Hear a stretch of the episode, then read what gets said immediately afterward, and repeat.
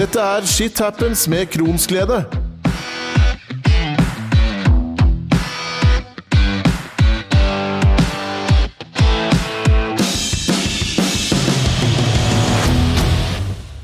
Episoden med IBD-panelet der mat og ernæring var tema, var det oss kronikere som delte våre tanker og erfaringer rundt nettopp dette temaet. I dag har jeg med meg ei som skal svare oss på alt vi lurer på, med en fagpersons øyne. Og hva er vel bedre da enn å få med oss en klinisk ernæringsfysiolog som gjest? Velkommen til deg, Camilla Thun. Tusen takk. Takk for at jeg fikk være med. Før vi starter, kan ikke du fortelle oss litt om hvem du er? Jo, jeg heter da Camilla, opprinnelig fra Østlandet, men nå, etter at jeg studerte, så har jeg stranda i Bergen. Bor nå her med mann og eh, tre små barn, og jobber på Haukeland universitetssykehus. Og helt siden jeg da egentlig begynte på, um, på studiet i klinisk ernæring i 2009, så har jeg alltid interessert meg veldig for mage- og tarmproblematikk, eller mage og tarm generelt. Og de siste seks årene da, så har jeg jobbet her og um, har mye pasienter med mage og tarm. Også en del undervisning, både av pasienter, men også undervisning på Universitetet i Bergen, med, hvor det da er studenter i klinisk ernæring som underviser der borte. Og det mange lurer på, da, eh, inklusiv egentlig meg sjøl, er hva er egentlig jobben da, til en klinisk ernæringsfysiolog, eller KEF som det også bruker? Hva gjør dere? Klinisk ernæringsfysiolog er jo du, Det er jo kanskje den lengste og mest kronglete tittelen av, eh, av de alle som du møter på. Så vi pleier ofte bare å si KEF. Det er en beskytta tittel, um, og vi har autorisasjon eh, fra, som helsepersonell. Og vi jobber etter hvert ganske mange ulike steder. Mange av oss jobber jo på sykehus, men vi finnes også i, etter hvert i kommunene, er det en del av oss. Og noen jobber med forskning, og vi, ja, vi jobber på ulike, ulike nivåer, da. Men generelt så er det jo på en måte det at vi eh, jobber med både forebygging og behandling av ernæringsrelaterte problemstillinger, da, på en måte. Og mange har kanskje tenkt før da, i hvert fall, at uh, dere er eh, mest for de som har en alvorlig spiseforstyrrelse. Enten da at man sliter med å ikke få i seg mat, eller spise for mye mat. Uh, men det er jo ikke helt riktig. Uh, men hva er egentlig da kriteriene for å få hjelp av dere? Akkurat spiseforstyrrelse er jo bare én av veldig mange mm. pasientgrupper som vi jobber med. Sånn, vi jobber jo med alt mulig. Eh, og mat og ernæring er viktig del av behandlingen for veldig mange pasienter. Sant? Alt fra små spedbarn til gamle mennesker. Og ja, det kan være alt fra kreft til mage-tarmproblemer. De aller fleste spiser jo mat på et eller annet vis, og veldig mange sykdommer påvirker enten hvordan du klarer å få i deg mat, eller på en måte hvordan maten er i kroppen. Da. Eh, Og hvilke behov man har. Mm. Så kriteriene varierer nok kanskje litt fra sted til sted. eh, Og det finnes nok både lavterskeltilbud og litt mer sånn hva skal jeg si, høyterskeltilbud, på en måte, som å komme inn på sykehuset. Sant? At da er det kanskje litt mer spesifikke kriterier rundt om. Har dere mange med IBD da, som blir henvist til dere? Mm, jeg jobber jo mest med de, så for meg så blir det jo eh, en del. Jeg har ikke oversikt over akkurat antallet, på en måte, men um, hvert fall hvis du på en måte regner alt under ett. Sant? med både, jeg møter jo veldig mange også gjennom eh, sånne, det som vi har her i Bergen, da, som heter lærings- og mestringskurs. Mm. Um, og det har de mange andre steder også, som er et sånt litt mer lavterskeltilbud. Mm. Så der møter man jo mange, sant? og så møter man jo en del også poliklinisk. Um, og gjerne da med mer sånn tilleggsutfordringer som f.eks. undervekt eller underernæring. eh, eller veldig snevert kosthold ofte. Uh, og så møter man jo ofte noen også som inneliggende, sant? hvis de f.eks. enten har vært gjennom en operasjon, skal gjennom en operasjon, eller har igjen da underernæringsproblematikk der. Mm. Så det, det blir eh, en del sånn totalt sett, ja. Skulle du ønske at det var flere da, som fikk tilbud om oppfølging og hjelp fra en ernæringsfysiolog? Det skulle jeg jo selvfølgelig. det er jo litt vi, Ja, vi vil, vi vil jo gjerne være så mange som mulig, og vi syns jo at dette er eh, Eller jeg syns i hvert fall at dette er kjempeviktig, og jeg vet at Vet også at det går mange som kanskje ikke Altså som, som leter mye, sant, og at maten er en stor del. Mat er jo på en måte ikke bare ernæring, sant, men det, er jo, det påvirker jo hele livet ditt. Sant? Eh, så det er mange som eh, som får, på, merker at maten påvirker livskvaliteten og sånt, uten at de nødvendigvis eh, får så mye hjelp da, til å finne ut av det. Sant? Og så googler man seg frem, og så går man kanskje litt feil vei, og så bruker man lang tid og leter litt rundt. Så jeg skulle selvfølgelig ønske at mange fikk hjelp både tidligere ja. Mm. jeg tror i hvert fall For min egen del så tror jeg at mye av redselen for mat da kunne vært unngått med den der støttepersonen.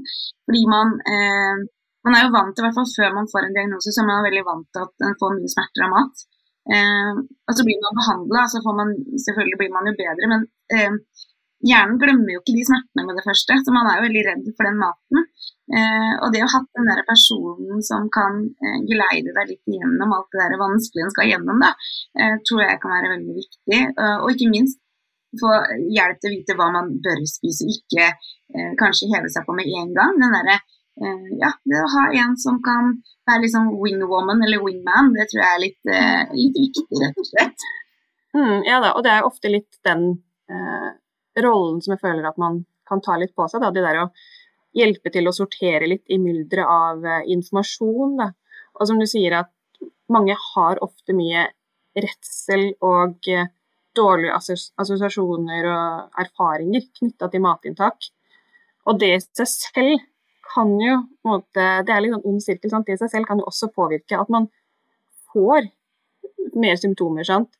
Eh, så det der å få litt hjelp til å på en måte rydde litt opp i hva som er hva, altså det kan være ganske nyttig. da, Å komme inn da tidlig, sant? sånn at man ikke får tilegne seg enda flere dårlige erfaringer, men at man kan komme inn tidlig og rydde opp og gi litt gode råd på veien. Jeg har jo snakka mye om, eh, både tidligere og, og i det seinere også, at vi med IBD, da, som kanskje er litt krevende, får en slags spiseforstyrrelse eller kan få en spisevegring, på en måte, da, fordi at konsekvensen av matinntak er ganske stort, eh, for mange av oss i hvert fall. Um, og eneste måten da å ha litt kontroll på sykdommen for mange, er jo da å unngå å spise. Eh, eller å vente å, med å spise til man kommer eh, altså har gjort unna alle de tingene man skal, og kommer hjem og vet at når man er trygg, ungen er lagt, ikke sant? og da ender det med at man kanskje går hele dagen uten å spise. Eh, og det er jo ikke så lurt. Eh, men er dette noe dere har, har, kjennskap til? Har dere hørt om dette her før? Mm, det er noe jeg ser veldig, veldig, veldig ofte.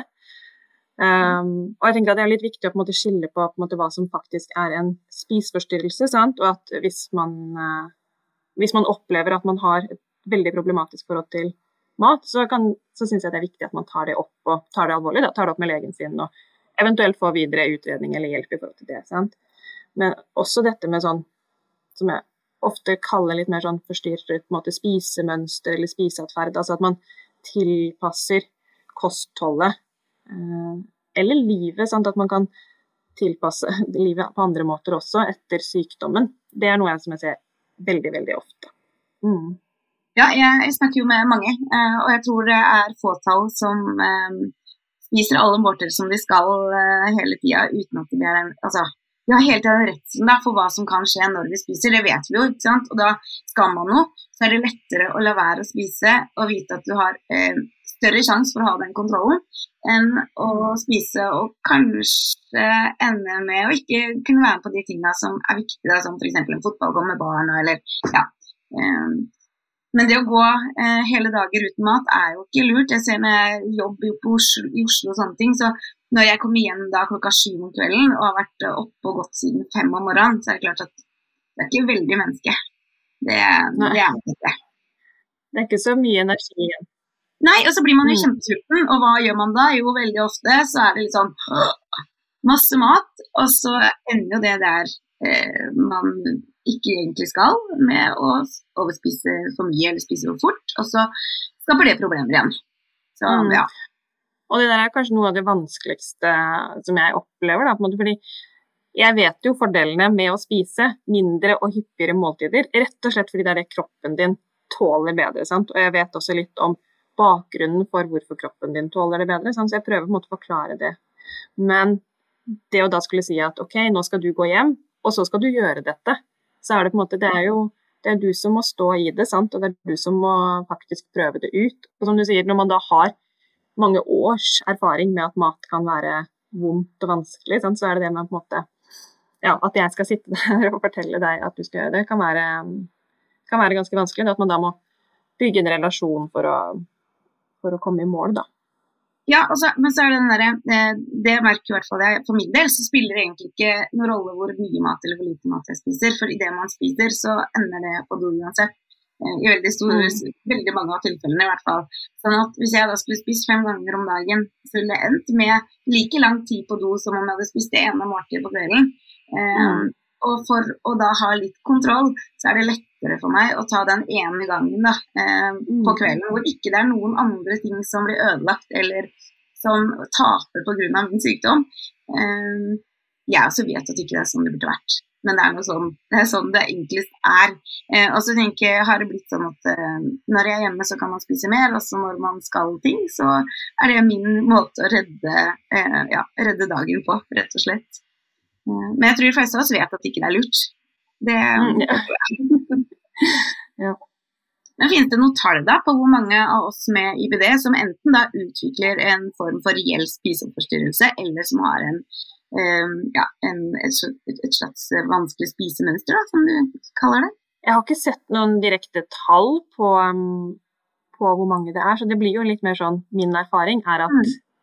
de aller fleste tilpasser liv og kosthold. Eh, I hvert fall periodevis, sant? ikke nødvendigvis mm. hele livet, sant? men altså i, i, noen perioder av, hvor sykdommen kanskje er, vel, altså er, aktiv og man har mye betennelse, sant? at da, da kan man ja, Eh, tilpasse det i større grad enn andre perioder. Sånn. Mm. Så ja, det blir mer min, min personlige erfaring at mm. veldig, veldig mange gjør det. Ja. I hvert fall deler av livet. Mm. Og eh, selv altså, har jeg hatt ganske mange omganger med total tarmhvile. Um, snakker med mange som har det til dags dato også. Um, og når man da uh, har det over ganske lang tid, så forsvinner sultfølelsen. Og jeg husker, Det er jo ikke så veldig mange år siden jeg hadde det sist, og da grua jeg meg helt sinnssykt til oppstart av mat igjen. For eh, og det, det, som egentlig forundrer meg, det er at eh, i ettertid da, eh, så har det vært veldig mye eh, mangel på oppfølging. Eh, når en går, da går fra å ikke spise til mat igjen når det En ting er når det er snakk om en kort periode, men når det er snakk over lang tid, altså kanskje en måned eller lenger, eh, så, så, blir jo kroppen veldig vant til det. og de fleste ganger så har det vært litt sånn, i hvert fall når jeg var yngre, så var det å gå fra å ha total tannhvile til å si i dag skal du hjem, nå tar vi ut dette her, og så vær så god hjem og prøv å spise. Eh, og ikke noe sånn uh, start forsiktig eh, Ja, det var litt sånn dette skal du bare klare sjøl. Og det endte jo alltid, uansett hva jeg spiste, så endte jo det med eh, hun og hast på sykehuset igjen med kjempestore smerter. Um, og det syns jeg er helt forferdelig. At det var sånn da, er jo én ting, men jeg hører at det fortsatt er sånn i forhold til folk jeg snakker med. Men fins det noen plan da, som man faktisk bør følge i sånne situasjoner hvor man har hatt en tarmhvile? Ja, og med tarmhvile så tenker jeg, da regner jeg med at du tenker på at man da får intravenøs ernæring. sant? Um, fordi man i en periode kanskje ikke kan få så mye mat til tarmen sin. Og jeg håper jo at Fordi man eh, I veldig mange tilfeller så kan man kanskje få, om ikke så mye, så kanskje litt, sant? og kanskje man kan få litt sondemat, hvert fall. Sant? Sånn at eh, tarmen i hvert fall har noe bitte, bitte, bitte litt å jobbe med. Sant? Eh, så opprettholder det litt grann den eh, funksjonen til tarmen sant? og gjør overgangen litt lettere. Men sjøl om man da går ja, de gangene det har vært for meg, så har det vært sånn at jeg har fått en, sånn, et skriv ved senga hvor det har stått akkurat hvor mye jeg kan få lov til å ta inn meg i løpet av en dag. Og det har vært litt suppebuljong stort sett. Og så har det vært eh, mm. litt altså drikke, da, men alt har vært i begrensa eh, altså, Det har ikke vært så mye jeg vil. Det har vært liksom bare mm. litt av ting. Og så gjerne ønsker vi at det skulle vært fordelt utover dagen. da. At eh, jeg får mm. så og så mye i løpet av dagen, og det skal fordeles utover ja, det er sånn det har vært for min del. Ja, da, og, sant, og da, det blir jo ikke så store mengder. og på en måte Det er jo ikke så Det der å skulle gå da og plutselig skulle fullernære seg.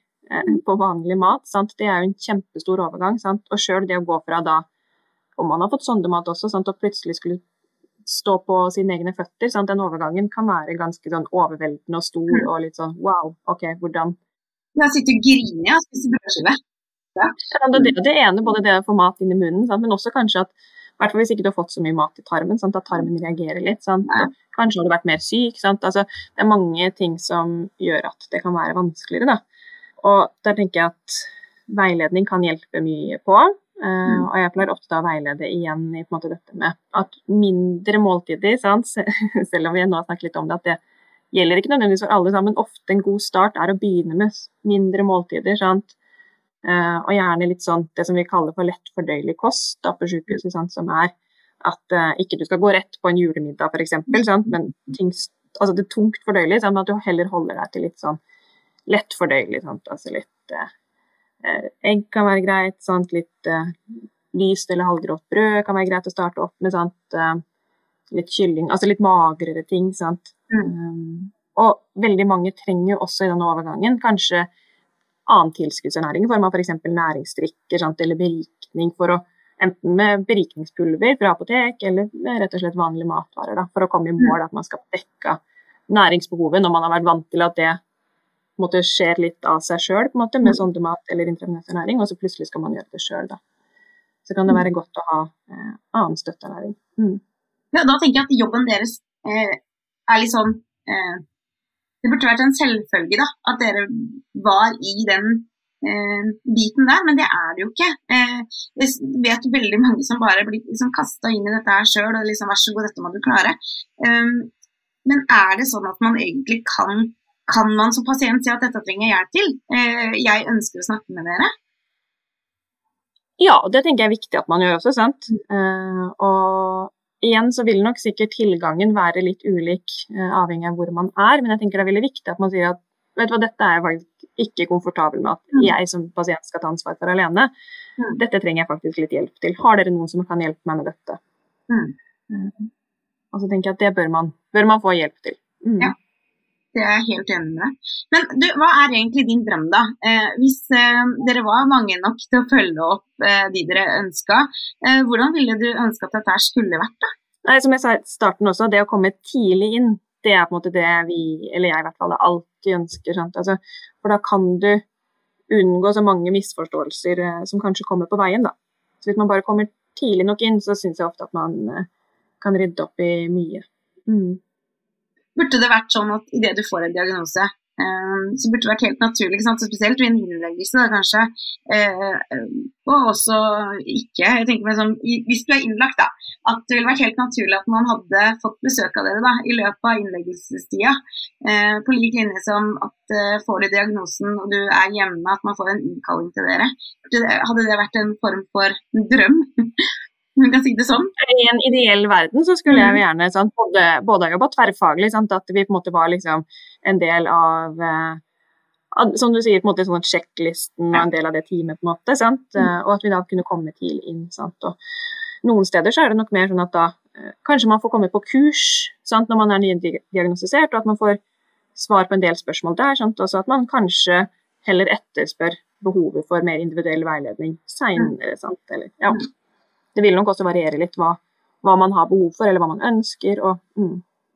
Men tilbudet ja, burde absolutt eh, Skulle jeg ønske i en ideell verden var det. Og som nydiagnosert så leter jo veldig mange da, etter den der tingen som kan få magen på rett kjør, eh, og gi oss i hvert fall delvis av livet tilbake. Um, ofte så er man desperate også for å, å finne den derre quick fixen. Uh, er det noe quick fix for oss? Jeg skulle ønske jeg kunne si at jeg hadde en quick fix, og en, et fasitsvar med på en måte to streker under. og Dette fungerer for absolutt alle med IBD. Uh, eh, men jeg tenker at det er litt viktig da å ha i bakhodet at måte, IBD er ikke på en måte én altså det er ikke, Alle er ikke like. sant? Det kan være veldig forskjellig eh, både hvilke behov man har sant? Eh, og, og, hva man ønsker å gjøre. sant? Um, og veldig forskjellig også hva som fungerer fra person til person. Og det kommer jo også litt an på sant? Var, altså, hvor er sykdommen, hvor alvorlig er sykdommen? Altså, det er så mange faktorer som påvirker. Da. Så eh, det merker jeg jo sjøl også, det er veldig mange som har googlet mye, som jeg sa. Sant? Eh, at Google er en stor kilde. Det finnes nok dessverre ikke noe sånn quick fix som fungerer for alle. Så jeg tenker man må bare være litt kritisk til hva man leser, og gjerne diskutere det litt med helsepersonell da, før man setter i gang med store omveltninger i, mm. i livet og i kostholdet generelt. Da. Og så er det jo også noe med det at når du, når du googler sånn, så er det jo For kosthold kan man på en måte sant, Mange dietter og sånt lover gull og grønne skoger og uh, at det skal kurere sykdommen, sant, altså alt mulig rart. sant, og det, det finnes jo ma veldig mange kostråd, og veldig mange kostråd som også fungerer. Uh, men det er viktig å ha i bakhodet hva man ønsker hjelp til, på en måte, og at man har et litt kritisk blikk inn i det hele. da. Og selv om det er veldig forskjellig da, fra pasient til pasient hva en tåler, så finnes det likevel noen ting som kan være trigger, eh, og som kanskje kan være lurt å ta eh, ut av kostholdet, om ikke annet for en periode. Eh, hva er egentlig de matvarene som vi med IBD bør være litt eh, obs på, om ikke annet? Jeg sier ikke at vi ikke skal spise det, for det stemmer jo ikke, men hva er det vi mm. bør tenke litt ekstra på? Der igjen så er det nok også veldig mange ulike erfaringer og meninger. Mm. Og jeg tenker at det er viktig der også å huske på at både mengde kan ha noe å si, altså måltidsstørrelsen på en måte, og hyppigheten kan ha noe å si. Sant? Og ikke minst, sånn som du også sa, dette med, måte, med stress generelt i livet, men også stress rundt matinntak, mm. kan også ha veldig mye å si for hvordan vi opplever at vi tåler en matvare. Så at man på en måte har det litt i bakhodet før man på en måte tar vekk altfor mye. Sant? Og så at det er ikke alt alltid at det er maten som er synderen. på en måte. Man kan tåle ting i eh, små porsjoner, kanskje, men ikke i kjempestore porsjoner. sant? Og så er det også det viktig å ta, ta med at hvis man faktisk fjerner en ting, så kan toleransen endre seg. Sant? Så det, jeg pleier alltid å anbefale at ok, hvis du tar vekk f.eks. løk, for eksempel, at man prøver igjen om en liten stund. Eh, i kanskje en mindre mengde først, sant? og så ser man ok, hvordan, hvordan går dette egentlig. da. Mm. mm. Men det er jo noen ting som ofte går igjen både for så vidt i studier, at man ser at de med IBD eh, ofte tar vekk fra kostholdet, og som jeg også opplever. Um, og fiber er jo én ting som gjerne går igjen, sant. Og spesielt kanskje altså, fiber, Det er litt viktig å huske på også at fiber er ikke fiber. på en måte Det er forskjellige fibertyper også. Så uten å på en måte gå altfor mye i dybden, da, så kan det være noen fibertyper som ofte tåles mye bedre enn andre fibertyper. Og det er noe som jeg ofte jobber mye med, at man kan bytte bare. Altså liksom, ikke at kostholdet skal endres så drastisk, men at man kan bytte sånn, f.eks. fra hele korn og veldig altså kli og sånn ordentlig grove ting, til rett og slett å kanskje velge mer sånn halvgrove brød. Gjerne litt sånn mer havrebasert uten hele korn. Og veldig mange syns jo også at enten surdeig eller langtidshevet eh, brød eller bakevarer da, er lettere å gi mindre ja, mindre ubehag, rett og slett. Mindre symptomer. Mm. Så fiber er en veldig sånn som man gjerne eh, bør sjekke innom og se om man kan bytte litt om på. Veldig mange har sikkert også vært innom melkesukker eller laktose, sant? som man kan tåle dårligere enten periodevis, sant? hvis man har en aktiv betennelse f.eks.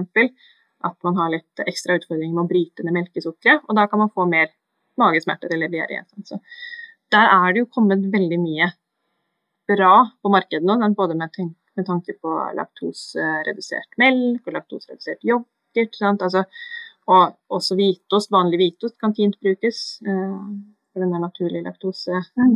lav laktose, og smør. Altså, det kan gå eh, veldig greit, akkurat det byttet. Og mange der også tåler litt melk i matlaging, f.eks. Altså, ja. ja, det er mange som tåler det når det er kokt, men ikke tåler å drikke melka. Det er veldig mm. snodig. Mm. Ja, og laktosen skal jo i utgangspunktet være helt lik. Altså, så, eller altså, ja, laktoseinnholdet endres jo ikke, mm. sant. Så det er ikke alt man har så veldig god forklaring på, dessverre. Ja, og så er det jo dette som jeg var litt innom dette med julemiddagen. sant? Altså Ofte i forbindelse med sånne store, grandiose middager hvor alle skal sitte og kose seg, sant? så er det ofte veldig mye fett inkludert, altså kjempemye fett på én gang. sant? Så store, feite måltider også kan ofte være litt problematisk. Og gjerne også hvis det er masse krydder inne i bildet, sant? så kan det kanskje gi enda mer eh, symptomer. Sant? Eh, og der igjen så fungerer det ofte bedre hvis man måtte fordele fettmengden litt utover dagen. Sant? Altså at de kjempestore fettmåltidene kan kanskje være litt verre enn når man spiser mindre måltider. Ja, og så er det litt sånn sukkeralkoholer, sant? de som slipper OL, sånn sorbitol osv., så de gir ofte en del luft, da. Det gjelder jo eh, de aller fleste av oss, men de med IBD er jo ofte merker det ofte veldig mye bedre også. Mm. Og som jeg nevnte, litt sånn løk og hvitløk og en del sånn grønnsaker og frukter. Sant? Det går litt på karbohydratene igjen. da, kan, kan, gi litt problemer. Mm. Ja, Det du sier her er litt sånn der, eh, eh, Det er jo mange som føler sånn ah, hva skal man spise? Eh, og jeg sjøl syns jo det er kjempekrevende, fordi alt som liksom skal være sunt, da, er litt vanskelig for magen min å, å tåle. Fiber f.eks., og det er jo noe du nevnte det er jo no go. Også ikke en serinekjeks engang eh, tåler jeg uten at jeg ligger kveila. Så for meg så er det loff, loff, loff. Dritlei. kan drømme om å spise brødskiva med leverpostei og agurk, liksom. Har ikke gjort det nå på mange år. Eh, tør rett og slett ikke. Etter bare små prøver eh, ja, det, det, går ikke. Uh, grønnsaker må gjærkokes Frukt Jeg har ennå ikke funnet noe som jeg tåler. Jeg har prøvd å ta av skinn på druer. Prøvd å ta på en måte raspe epler Jeg vet ikke. Jeg prøvde, lista er ganske lang av hva jeg har prøvd. Um, og i dårlige perioder da, så er det jo kylling og loff. Uh, kanskje litt suppe av kok. Um, og da kommer det spørsmålet om hvordan få i seg disse næringsstoffene og vitaminene og mineralene som man faktisk trenger. Uh, og kanskje trenger ekstra mye når man er syk. Der er det jo litt sånn, igjen, individuelle vurderinger. Sant? Altså Mange med IBD kan jo ha økt behov for bl.a. B12 eller jern, sant? eller altså at man har redusert opptak, rett og slett. Og akkurat sånne spesifikke næringsstoffer, så er det viktig å gjøre det i samråd med lege, sant? og gjerne ta, følge det med blodprøver. Um, at man rett og slett tar kosttilskudd i samråd med helsepersonell. Da.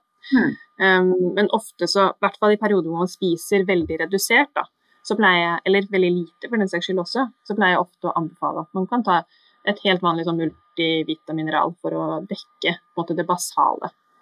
Så ja, jeg pleier ofte å ha med meg den, en sånn kostsirkel sant, med alle de ulike matvaregruppene. på en måte, der er det jo ofte at flere matvaregrupper mangler, og da er det mm. vanskelig å dekke inn eh, rett og slett det basale behovet sitt. Så da pleier jeg å anbefale sånn multivitamineral. da. Mm. Mm. Og, og, mange kan også ha behov for tran, f.eks. Sånn, hvis man ikke får i seg nok, nok feit fisk eller andre kilder til omega-3 og vitamin D. Mm. Men andre så er det jo viktig da, å følge litt med på hva, eh, hva man faktisk kan mangle i kroppen. Eh, mm. Være litt obs på det. Mm, og dette er jo på en måte bare sånne mikronæringsstoffer, sånn vitaminer og mineraler, men mm. det er også viktig at man får i seg nok energi, og mm. ikke minst protein også, sant.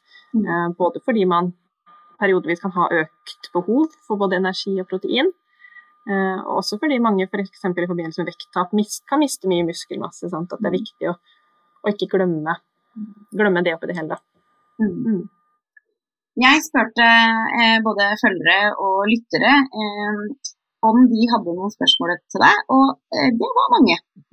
Eh, og noen av spørsmålene har jeg jo allerede stilt, men jeg hever på noen flere. Og det var ei som heter Camilla, hun lurte på eh, for de av oss med IBD som har plager høyt oppe i tarmsystemet, eller altså magesekk, eh, som har sure oppstøt eller refluks, for mye magesyre, rett og slett. Um, om man da skal prøve å holde seg unna syredempende, hvilken mat kan hjelpe oss da? Generelt når det går på dette med måte, refluksproblematikk, da, at har man ofte hatt en del eh, ting som en har gjort at spiserøra kan ha blitt mer eh, ja, rett og slett vondt, da, måte, så går det egentlig på mat som kan dempe det ubehaget. Eh, og så vil jeg bare si at hvis man behov, altså hvis man er så plaget at man har behov for syredempende, sant, så det, kan det være en viktig eh, medisin for å unngå at man får, eh, får skader på spiserøret. Når det gjelder kosthold retta mot det, så går det egentlig mer på ja, f.eks. at noen syns appelsinjuice kan gi mer ubehag i spiserøret. Ja, noen syns tomat altså Det er veldig sånn uspesifikke råd. Uh, egentlig ikke noe veldig sånn generelt sånn dette fungerer for alle med refluks der heller, dessverre. Jeg har jo sjøl på en måte klons i magesekken, og når den er eh, ordentlig irritert, så er det i hvert fall én ting jeg holder meg langt unna, og det er tomatbaserte eh, matvarer. For det er mm. Det setter fyr på hele Ja, det, det, er helt grusomt. Men der igjen sånn, så går det litt på, på måte, mengde. Sant? At på måte, igjen et veldig stort måltid vil være mye mer ubehagelig sant? og gi mye mer symptomer. Men finnes det noe man, som kan dempe det litt, da? Som ikke er så Altså kan på en måte det å spise eh, yoghurt eller altså ting som er litt mer uh, hva skal jeg si, uh, mildere, holdt jeg på å si? Ja, og litt sånn i en litt sånn lettfordøyelig kost da, på en måte det ofte tyr til på en måte når, når det er ubehag. Altså, mm. Det er ofte lettere rett og slett å, å måte tåle. Ja, mm. tåle. Mm. Um, og igjen tilbake til dette med måltidsstørrelse og porsjoner. sant? Um, men selvfølgelig også dette med å ja, tilpasse litt sånn at man prøver å unngå de spesifikke som du, sånn som tomater. Sånn at man unngår de spesifikke som man merker at dette er helt krise. Sant? Kanskje noen, noen har f.eks. kaffe, gir bare Det er supervondt. Sant? Altså, noen har sitrusfrukter, det er supervondt. Altså, Uh, man merker litt hva som gjør kjempevondt, en måte, og, og heller unngår det. Og så har Nina to spørsmål. Eh, nummer én. Om man har krons, vil man uansett reagere på enkelte matvarer, eller kan man ha krons og ikke ta hensyn til hva man spiser? Altså at man ikke har eller får noen negativ reaksjon på mat. Altså at man kan spise akkurat hva man vil uten at det skjer noe med det. Jeg har litt lyst til å svare at det kan gå, på en måte. Mm. Fordi igjen, litt sånn periodevis. Sant? Dette er jo en sykdom som ikke er konstant, på en måte. Den kan være litt um, Den kan variere, på en måte. sant? Så litt avhengig av hvor man er i, i sykdommen. Sant? Og som jeg nevnte litt tidligere, at det er så mange faktorer som, uh, som man må ha i bakhodet da, når man ser på dette. Sant? Både med ok, er det aktiv betennelse, er det ikke? Sant? Altså har man har man fjerna noen deler av tarmen, eller har man noen steder hvor det er trangere? Altså, det er så mange faktorer å ta inn, inn i bildet. Da, måte, at krons Crohns er ikke Crohns nødvendigvis. Sant? Så noen kan nok ha perioder hvert fall, da, sant? hvor ikke de tar så veldig mye hensyn. Sant? Og det kommer jo også litt an på at kanskje noen rett og slett bare liksom ikke ha, ønsker å ta så mye hensyn. Sant? At man heller tilpasser, sånn som jeg sa på andre måter. At kanskje man heller legger inn veldig god tid på morgenen. Sant? At man setter av liksom flere timer før man går på jobb sant? til å på en måte spise, og så har man god tid til å gå på do og sånt og før man går på jobb. Sant? At man gjør mm. andre tilpasninger, uh, og ikke bare kostholdet. Men sånn, i hvert fall erfaringen min er at de aller fleste har vært innom, hvert fall, da, eller i hvert fall hørt om, uh, og kanskje gjort noen små tilpasninger periodevis uh, i mm. løpet av sykdommen. Mm. Og så lurer jeg på, Hva tenker du rundt energidrikk og Crohns? Og da tenker jeg at det gjelder ikke bare Crohns, jeg tenker at dette gjelder også useriøs kolitt. Dette her må mm. energidrikker. Men, fordi veldig ofte når jeg hører energidrikk, så er det noen som mener næringsdrikk. Så jeg er litt mm. usikker på om hun mener energidrikk ja. eller næringsdrikk. Jeg tror hun mener disse her eh, type Jeg vet ikke engang hva det heter, for jeg drikker jo aldri, men disse du får kjøpt i, i butikken. Butikk. Som, ja. Mm. Sånn. Uh, og det vil jeg jo på en måte regne litt mer sånn som brus. sant? Mm. Uh, mange av de har jo koffein i seg, sant? så noen mm. kan, kan, oppleve at koffeinen på en måte gjør at tarmen jobber mer, rett og slett. sant? At man kanskje ikke tåler det så godt, og det kan være kullsyre som gjør at man kanskje ikke tåler det så godt, eller kunstige søtningsstoffer. Um, så det er ikke noe jeg på en måte pleier å anbefale som tørstedrikk, sant? Eh, men i mindre mengder, og hvis man tåler det, så blir det litt sånn som brus at ok, kos deg med det innimellom, sant? men ikke bruk det som tørsteslukker. Sier seg kanskje sjøl, ja. Men eh, ei dame skriver hun veier nå under 40 kg, er 1,63 høy og sliter veldig med å legge på seg etter fjerning av deler av tykktarm for to år siden. Hun har mye smerter som gjør at mat er veldig vanskelig, og drikker da næringsdrikker og tar næringspulver i maten. Men det hun lurer på, er om du har tips til hvordan hun kan legge på seg og få mer lyst på mat. Jeg håper jo at hun kanskje får hjelp av en KEF, eller i hvert fall mm. kan gå og spørre legen sin om det er noen som kan hjelpe henne med dette. For her er det jo på en måte både, altså, både det å komme i gang med spising altså Det å få lyst på mat, sant? det kan være ganske vanskelig. Eh, så det krever jo på en måte at man går litt gjennom ok, hva spiser du faktisk i dag. Kan man gjøre noen tilpasninger? Kanskje man kan, sånn som vi bruker berikningspulver, sant? men kanskje hun rett og slett kan bytte ut noen matvarer sånn at um, enten hun tåler det bedre, eller rett og slett at de også er mer næringsrike. da, Altså se på mm. selve altså, totalen av kostholdet. For det, ja, det er veldig mye man kan gjøre, og der igjen, sant, det kan være lettere å komme i mål om man spiser små, hyppige måltider. Uh, og det kan også være lettere å tåle. sant? Men nå vet jeg jo ikke helt hvorfor årsaken til at hun har vondt. Sant? Så eh, det vil på en måte en KEF kunne se mer helhetlig på hele sykdomshistorikken da, og gi et bedre bilde på. Jeg tenker at Det aller viktigste tipset må jo være at har dere hjelp av en, eh, en KEF, da, så burde det mm. kanskje være det aller viktigste tipset. Få hjelp. Kort oppsummert, be, be om hjelp. Ja. mm. Så er det en som heter Tor, som sier mange snakker om at du må ha fiber for å holde magen i gang. Hva med oss som ikke tåler fiber? Noen mener vi bare må stå, stå det ut, men for min del hadde det endt på sykehus. Hva bør vi gjøre, gjøre for å hjelpe tarmen vår? Og Det har du jo vært litt inne på allerede. Sant? Dette med at du heller ikke tåler fiber så godt. Mm. Sant? Og at du har prøvd gjentatt ganger og fått råd om det. Og sånt. Og det, Der også så er det selvfølgelig veldig individuelle ulikheter med tanke på toleranse. Men ofte så erfarer jeg at mange kanskje da går all in når de først skal prøve. Sånn at liksom OK, i dag skal jeg begynne å spise masse fiber, for det har jeg lest at det er sunt. Og så spiser man bare kanskje altfor mye fiber på én gang. Eh, og så kanskje man i tillegg glemmer å drikke nok, og så bare blir det total overload for tarmen. sant? Um, og spesielt der også hvis man har noen trange partier i tarmen, og sånt, så er det klart at da er det ekstra vanskelig kanskje med fiber. Sant? Så første tips begynn veldig forsiktig i starten. sant? Altså typ Kanskje bare en spiseskje med havregryn oppi en yoghurt f.eks. kan være nok i starten sant? for å se OK, men det, det, gikk fint. OK, greit. Og så går vi videre. Sant? Så det er tips én. Begynn forsiktig. Tips to få i seg nok væske samtidig. Og tips tre, husk at det er litt forskjellige typer fiber. Sant? Så om du ikke tåler liksom, det danske rugbrødet med masse hele korn og masse ja, kli og sånt, så kan det være at du tåler eh, havre f.eks. bedre, eller ja, litt ikke så mye tunge fibertyper, da, på en måte. Men ødelegger vi da eh, tarmen vår hvis vi ikke spiser fiber? tenker jeg. Altså, eh, er det sånn at Hvis det ikke går, da, hvis det overhodet ikke går med fiber, er det sånn at da, eh, da ødelegger du tarmen din totalt? Eller kan det gå, og ikke tilføre kroppen din fiber også? Altså, grunnen til at man ofte anbefaler fiber, er jo fordi fiber kan både være med på å regulere tarmfunksjonen sant? og sikre at man har liksom, regelmessig avføring, og det kan bidra til bedre blodsukkerregulering. Altså, det, og det, fiberrik mat inneholder også ofte mer næringsstoffer. Sant? Så det er på en måte flere faktorer til at man anbefaler fiber.